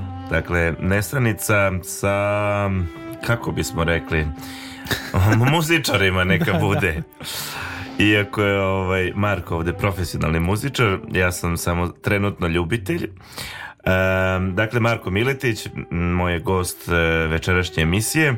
Razgovarali smo o Neo festivalu, o njegovoj muzičkoj karijeri, o nekim razvojnim putevima i e, došli smo i, i, i do Evropske predstavnice kulture s obzirom da je Marko bio jedan od kustosa za, za kreiranje programa e, u oblasti klasične muzike i, i zajedno smo radili na tome i posebno sam ponosan i na, na tu programsku celinu tvrđevu, tvrđeva Mira koju smo zajedno radili a ja sam imao i to zadovoljstvo da koordinišem čitav programski luk i mislim da je to bila neka kulminacija uslovno rečeno, znaš, dramaturški gledano kako to uh, ide, takav program klasične muzike koji je ceo bio koncipiran tako da je govorio o posledicama ratnih strahota, o, o, o posledicama razaranja, upozoravajući i često se setim i onog citata uh, ovaj iz ratnog rekvijema od Ovena. Ovena, da, da, koji govori da je umetnost tu da upozori, da ona ne može da promeni svet, ali može da, da upozori. Ratni rekvijum, nažalost, nismo izveli, ali smo imali neku vrstu ovaj, substituta. Vojvodinski simfonijski orkestar je izveo Malerovu drugu simfoniju Vaskrsenje, to je stvarno Da, bio da, da. veliki, veliki događaj. A Tvrđava Mira je počela sa um, kamernom simfonijom. Je li tako beše? Da, da, da, da. Otvaranje Neo festivala na platovu ispred Svilare, gudači Svetog Đorđa koji su proslavljali isto godišnjicu 30 godina od osnivanja i kamerna simfonija Šostakovića posvećena žrtvama fašizma. Eto, To je ja- bilo posebno isto. To, to izvođenje je bilo posebno. Da, Ne da, znam, se ti sećaš taj moment gde ti ja razgovaramo da li ćemo sad da najavljujemo Neo festival ili ne i ti u momentu, posljednom momentu kažeš ma hoćemo Da. i e, plato je bio pun, na, znači bilo je na otvorenom prostoru pod vedrim nebom i ja znam kad smo ti i ja dali taj kontekst, taj kontekst tvrđave mira, ratova, uh, de, de, de koncert, atmosfera se stvorila drugačija i s drugačijim predubeđenjem, predznanjem, u stvari kad dobiješ neke informacije ti počeš da slušaš to. Naravno, naravno. Pa, e, taj program je stvarno zasluživao apsolutno da mi to otvorimo. Da. Sad, pošto je programski e, luk već bio otvoren Da. i već je bilo govorancije, mi smo se razmišljali ovaj, o tome da li sad i festival koji je deo tog programskog luka, jer svakako festival će da traje sigurno i već je bio izveden pet puta pre Mhm. godine titule i e, iako vrlo često vidim da svako voli da da na važnosti njegovoj stvari pa da se ona ističe. Ja mislim da stvarno u toj godini titule, ako ne svake godine, što bi Da. možda isto bilo lepo, u toj godini titule je trebalo da uniformišemo sve u te programske platforme i da one budu iznad svega i da budu bitni. Ta tvrđava mira stvarno jeste meni bila Da.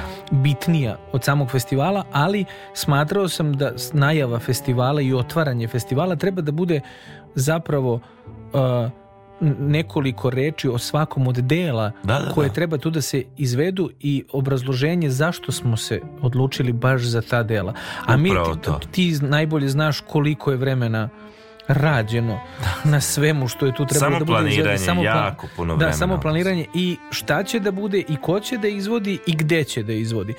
E, ono na što sam ja posebno ponosan jeste da smo išli na sadržaj, nismo išli na imena, mi nismo išli na to da, da dovedemo veliko ime pa nek ono svira šta god hoće na tu temu, pa ako je baš na nekoj turneji i to se baš ne slaže pa nam proda e, neku I bili smo priču, u pravu. ali smo bili apsolutno u pravu. Znači I mi smo upravo to. birali šta će da bude Tako izvedeno, a onda smo izvođačima predstavili šta želimo da bude i da želimo njih I tu je izvođači. Marko. To Ja, ja ne znam da je to ovdje rađeno tako, da se pr- birao repertoar, da se birala ideja. Da, ja ne bih volio sad da se neko uvredi ili tako, sigurno da je bilo. Na fe- festivali imaju uh, uh, svoje želje koja, koje, ko- ko- koja dela bi uh, voljeli, voljeli da budu izvedena, pa se to desi i sve to, ali sam siguran da ne postoji festival koji je sve do jednog dela izabrao koje želi da se izvede i onda birao izvođače koje će da ih Da. izvodi. Jer u, tu uvek postoji ansambl koji je na turneji pa je dovoljno atraktivan i ima svoju priču pa se zbog toga poziva ansambl da to svira. A oni uglavnom diktiraju da, svoj repertoar. Da, upravo to. Isto tako postoje solisti koji za tu godinu, ali jako su bitni da bi se sad njima postavili uslovi. I to je sve ok, i to je sve legitimno i takvi treba da se čuju, ali o, o- ovdje je priča bila, ovdje nije bilo kompromisa. Ovdje je bilo mi hoćemo ovo jer to šalje poruku koju mi želimo da, Da. bude da, da se čuje. Prosto i e, naročito u ovoj groznoj godini kad je počeo i taj rat Da. koji je počeo u sred naše platforme migracije. On je krenuo dva dana pre našeg koncerta sa Nebojšom Živkovićem u Gradskoj koncertnoj dvorani gdje smo mi predstavljali e, muziku e, e, zemalja i naroda naših članova. Mhm. E, U kamerati, ja se sjećam, mi smo snimili pozivnicu, video pozivnicu za taj koncert koju smo snimili na devet jezika. Sećam ja sam preponosan na to. To, to mi je najdraža pozivnica za koncert gdje, sva, gdje svako na svom je, na- jeziku svog naroda r- e, e, pozvao e, e, e, ljude na taj koncert i onda smo svirali kompozitore tih Mhm. naroda i mi smo to, pri- mi smo to od- odlučili kao što smo i odlučili za Neo festival pre nego što je počela godina titule. Da. Mi imamo vođu drugih violina Sergeja Šapovalova koji je Ukrajinac i mi smo već imali spremen, s- s- s- spremnu e, e, Skorikovu melodiju, čuvenu jednu najpoznatijih stvari koju evo sad nažalost zbog iz ovog razloga i tog rata imamo da čujemo na sve strane. Da bi onda dva dana pre tog koncerta krenuo taj užasan rat gde e, mi počinjemo taj koncert i sviramo sva ta dela i onda dolazimo do te Skorikove melodije naravno obraćamo se ljudima mislim, nadamo se i mislimo da će to da, da stane za neki dan, da je Da, to da, da. ludilo totalno, da to ne može da se desi i eto nek sad ta melodija bude poziv za to i molitva na neki način pošto je takvo delo ovaj, za sve da se vrate svojim kućama i da to ludilo stane i onda dolazimo do toga da par meseci posle toga znači u, u, u junu i u julu kad mi spremamo tvrđavu mira da je to u stvari se samo razbuktalo Tako da je je. situacija još gora i ovaj i onda A uprkos tome mi, mi dalje stvaramo i baš s, s- ceo taj program bio jedan veliki apel. Apsolutno, apsolutno.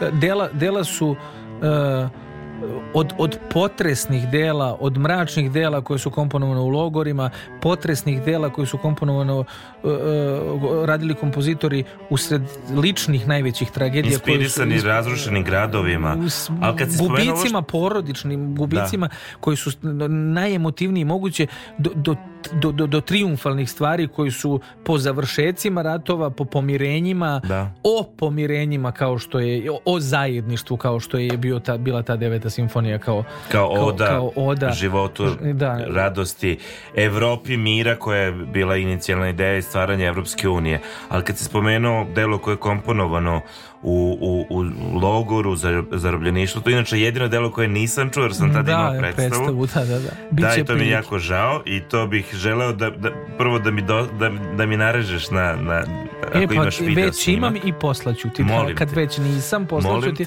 A sad ga i dalje izvodimo.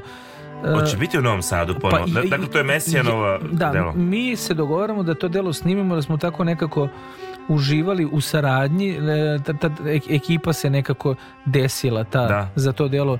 Julija, već sam ih pomenuo večeras, Julija, Aleksandar Šinosuke i moja malenkost i e, e, da imali smo potrebu da to nastavimo, pa je onda Julija organizovala to u, u Amsterdamu gdje smo pre dve nedelje odsvirali tamo e, imali smo desetominutne stajeće ovacije od, od njihove publike, ljudi su o- od, od suza do, do, do, do mislim, e, to- zaista delo ima neverovatnu atmosferu i, i, i ne može da se ne prepozna to. Mhm. Prišao nam jedan čovjek baš sad u Amsterdamu posle tog koncerta i rekao je ovo je toliko tužno Da, da. ali vi morate da nastavite da pričate tu priču. To je rekao. To je- Da, da. To je, sa nama je bila Violeta Đerković, koordinatorka e, kulturnih stanica, koja je zapravo inicirala tu saradnju sa Splendorom e, u, u Amsterdamu i ta saradnja se nastavlja sad u petak gde Julija dolazi svojom koleginicom iz Splendora Mhm. e, e, Emi Ohiresnik i na, na, evo koristim priliku da pozovem ljude na taj koncert i to će da bude i početak nekog malog kluba i neke saradnje koja se nastavlja u koncert, je petak tako? u Svilariju o- o- od 8 časova i e, u, upravo a, ti komentari posle toga, ta ganutost ta- tom istinom i tom lepotom i načinom na koji e, je ta poruka u- u- u- poslata, kako i u, šta je Mesijan uvio ovaj, je neverovatna, o, ostavlja ljude bez teksta. Delo se zove to Kvartet za kraj Da, vremena. zove se kvartet za kraj vremena i e, dan ili dva dana pre nego što smo svirali koncert u Amsterdamu e, je valjda bio prvi ponedeljak u mesecu Mhm. a tamo postoji sad e, neki običaj koji nije samo u Amsterdamu, valjda je cijela zapadna Evropa to preuzela, zove se e, Alarm Evropa se zove Mhm. i to je svakog prvog ponedjeljka u mesecu u 12 sati se pušta taj alarm koji je kao e, sirena za vazdu- vazdušnu opasnost koja opominje ljude na to šta se zapravo dešava i šta nam je na pragu Mhm. to je zaista, ko ne zna, kao što se desilo da, pošto e, kad krene ta sirena za vazdušnu opasnost po e, automatizmu stiže poruka na mobilne telefone, to nisam ni znao, tamo sam prvi Da. put sad doživeo, takođe kao upozorenje. I recimo naš pijanista u tom momentu nije znao e, on je bio zbunjen, zna da treba se desiti taj alarm zato što e, upravo ova pesma Ptica, eto kako, kako se stvari povezuju, pesma Ptica koju ste pustili večeras je ta neka slobodarska pesma koju su oni izabrali da koriste u tom splendoru u Amsterdamu e, i tog svakog ponedeljka u različitim aranžmanima, na različitim instrumentima, različiti muzičari je odsviraju i pošto smo mi tre- e, bi- bili e, već u Amsterdamu zbog proba pred taj koncert, mi smo zamoljeni da, da taj video sad bude od nas. I mi smo odsvirali pesmu Ptica, krenula je e, ta sirena napolju i jedan od kolega Julinih iz Splendora je bio već napolju i sa ulice je ulazio telefonom u, u Splendoru, u tu salu u kojoj mi probamo i nas snimao kako mi već sviramo tu pesmu Ptice i znači od tog momenta kad on ulazi pa do kraja i ceo taj video je na njihovoj stranici ovaj, i tako oni svakog tog prvog ponedeljka puštaju u ra- u različitim varijantama e, to upozorenje koje je ispraćeno tom pesmom Ptica u tim, u tim različitim to upozorenje e, taj alarm Evropa je e, u stvari zastrašujuće kad čovjek čuje tu sirenu za vazdušnu opasnost, ja znam da je naš pijanista skočio zato što je u redu ta sirena, to se očekivalo, smo i za to vreme trebali da sviramo, ali njemu je to stiglo sad na telefon. I sad kad mu je stiglo na telefon i kad je on pročitao šta piše tu, to neko upozorenje, njemu sad više nije bilo jasno da li, če- čekajte, jel sad ovo napolju što se čuje ima, uh, ili ovo je sad nešto drugo, ovo, jel ovo sad ozbiljno upozorenje, sve to je onda ga je Julija brzo smira rekla da to automatski, po automatizmu ide jedno sa drugim, jer Da, da, oni da, se ne da, da. šale, oni sad, znači sve onako kako to zapravo izgleda, to se i dešava. Ide sirena, stiže obaveštenje i uh, bude vrlo neprijatno. A znaš da smo mi 90-ih imali to isto neko, neku sirenu kao probnu, ali za ne znam šta.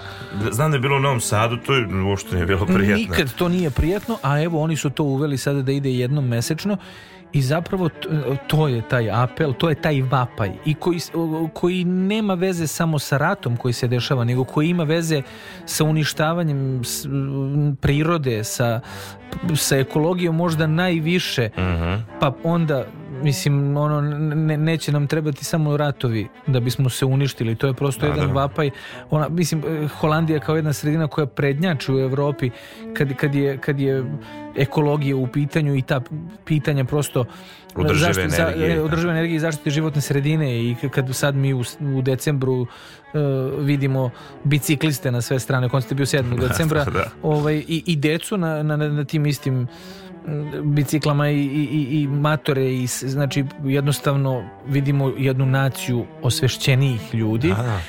a, jasno je o čemu se radi. Tako da, A moram samo referisati na ovo što ti je rekao taj čovjek kako treba da nastavite da, da širite tu poruku i ja zapravo mislim da je taj moment mi inače nije bio jasan kod muzičara zašto kad je nešto tako dobro i uspešno zašto se stvarno ne nastavlja kao što mi radimo igramo predstavu pa je igramo dokle ne izigramo Da, da, da, Znači, da, i to- nastavljat će se i nastavljat će se, mi već imamo zakazane koncerte nove, a tad smo definitivno rešili baš sad. mesijana, je tako? Baš Mesijana, evo sad imamo, čak imamo u Kragujevcu zakazan koncert, e, muzički centar Kragujevac nas je kontaktirao i, i kad već Julija dolazi iz Holandije, pa Šinosuke Mhm. dolazi iz Frankfurta i sve to i imat ćemo tamo koncert, gledat ćemo onda da to otviramo na još nekoliko mesta, ali naša ideja je sad definitivno da snimimo da snimimo CD. Sad, mislim, kaže se snimimo CD. CD je kao mediji već prevaziđen. Da, ne da, znam da, da. li to više iko kupuje i deli na poklon i sve to, pošto čak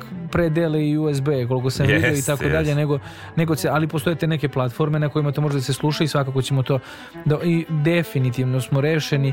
Ja sam za to da ovaj, to ne bude samo... Snimite vi- i spot ako možete. E, Ja, e, ja sam za to da to ne bude samo audio snimak, već da bude video, jedan ceo koji će, jedan integralni snimak tako žive svirke koje će da bude na nekom adekvatnom mestu koje će da bude akustički dovoljno dobro, ali koje će da, da ovaj, e, pokušat ćemo da to da to e, zaliči malo na tu pravi izvedbu, a pravi izvedba je bila upravo u logoru.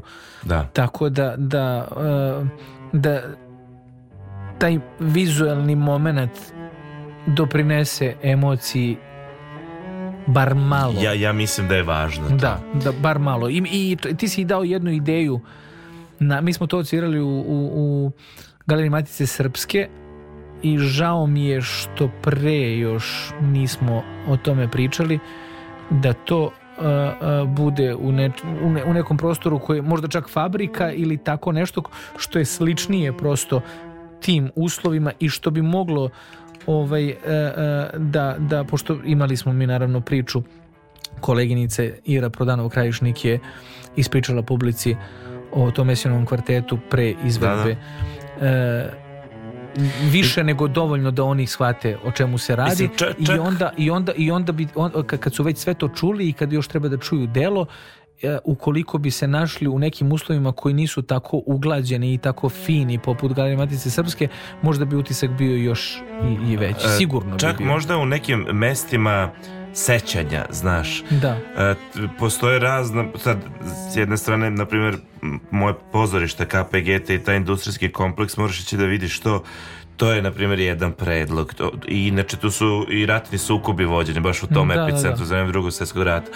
Ili, ono, sad već staro sajmište kao jedan Da, da, to naravno. jedan važan memorialni kompleks koji se sada institucionalizuje, ovaj, to je, ja, ja mislim da, da, da bi to bilo toliko potresno, ali osvešćujuće potresno. To je je- jedini cilj toga, da se Da. osvesti da se osvestimo i da, da, da se sećamo. To, eto, to, to smo dobili ovom tvrđavom mira sad. To, to smo dobili sada Neo festival, to smo dobili tim repertoarom. Mi smo se prisećali, potresno je bilo. Onda je onaj koncert um, Beyond, Zero. Ja sam baš to hteo da kažem. To je to, to, toliko bilo potresno. Ja, ja sam ko sedeo i to je jedan od onih momenta, tu se završi aplauz, a ja ne mogu ni da aplaudiram posle Ne, ne, toga. ne, to je stvarno- Iako je to bilo prirodno, tu su kolege, tu je i, i naš zajednički poznanik, tvoj prijatelj Jožef Pisak. Da. A, to, ja sam samo okrenuo se, izašao napolje, išao kući peške i, i nije mi bilo dobro, ali kako kažem, bilo je važno. Jer ono je, to se govori to o posljedicama prvog svjetskog rata, vizualno podržano i taj film, znaš, taj, multimedijalni o, osjećaj i, i, i to što smo dobili to je stvarno, i ti monasi iz, iz To kad su delo. zapevali na kraju, jo, ako sam, gospode Bože. Da, da. A, genijalno delo Aleksandre Vrebalov uz, uz film Bila Morrisona. Genijalno, zaista a, a, pravi izbor Da. apsolutno za tvrđavu mira poruka da ne može jasnije da bude Mislim, mislim, Bila je mislim puna da je sinagoga, a nije prvi put izvođena. Znači, Da. to je ono što ja kažem, nije važno ni da li je nešto prvi put ili nije va- važno Ne, je ne, ne, ne, moment, ne, što bi se reklo, ta, šta, taj Upravo to. pravi moment, mesto i vreme. Da. I- Zašto, zašto smo to uradili? Zašto je uvek najbitnije? Da. Od svega ostalog E, je to, bitno. to, to. Zašto? To Tako mi da- neretko nedostaje, znaš, bilo koje da je umetnost u pitanju. Dođeš, vidiš, prisustvuješ i pitaš se, dobro, ali zašto? Da, upravo to. gde je ideja? Ovde je sve, ovde je sve štimalo e, od fantastični Acijes kvartet e, u kom svira naš fantastični violista, moj kolega, dragi i prijatelj Jožef Bisak. E, genijalna Aleksandra Vrebalov zaista, ono, zaista, ako za nekog možemo da kažemo svetska, a naša, Da, to je da, da. Aleksandra Vrebalov. I Macuru nismo spomenuli, taj koncert. Da, da, da, da, to je taj, taj, i ta priča se nastavlja, meni jako drago, skoro smo se čuli, e, Cebev ga je kontaktirao, rekao mi je da oni žele da se izvede koncert u Beogradu. Dakle, to je Na koncert na instrumentima. instrumentima, pošto je on vajar vodoručnim. pravljen je od ratnih objekata, ratnog arsenala i, i otpada. Upravo I bio to. je taj koncert, to je to, je to bilo toliko iščašeno, Da, ono, da, da. ne- neverovatno. A poruka jasna kao dan. Svaka ta njegova, to, to je zapravo, on je skulptor, Da. to, su- to su skulpture njegove, svaka ta skulptura bez da se uzme u ruki da se ocvira, ona već šalje vrlo jasnu poruku, ali neverovatna stvar jeste što ih je on napravio tako da oni mogu da se sviraju. Violončelo je napravljeno od vojnog kanistera. Da, od kan- jel? da, da, da. I super ga je svirala moja draga koleginica Milica Svjerac. Oni su, e, oni su zapravo i, i Macura prezimenjak Nikola Macura, saksofonista Da, da, da. je e, e, oni su iskomponovali delo za tu priliku koje je bilo sjajno i ja sam im rekao da da eto da sam ranije tako nešto znao ta sama slika njih na tim instrumentima sa tom njihovom kompozicijom pa gde ćeš bolju špicu za najavu festivala koji Jest. se time bavi to je, Jest. to je to je sjajna priča Toli, toliko je A zapravo imali smo sve još jedno išlo u novo delo komponovano, ali tako? Da, to je toliko sve išlo, za mir. išlo u centar i ta uvertira za mir koja je naru- narudžbena festivala e, e, višestruko je značajna. Prvo što festival dokazuje svoje e, e, e, važnost svog postojanja e, dakle narudžbine i, i, i e, upošljavanje kompozitora Da, da. e, ne samo izvođača naših domaćih mladih davanje šanse da, da njihova dela budu izvedena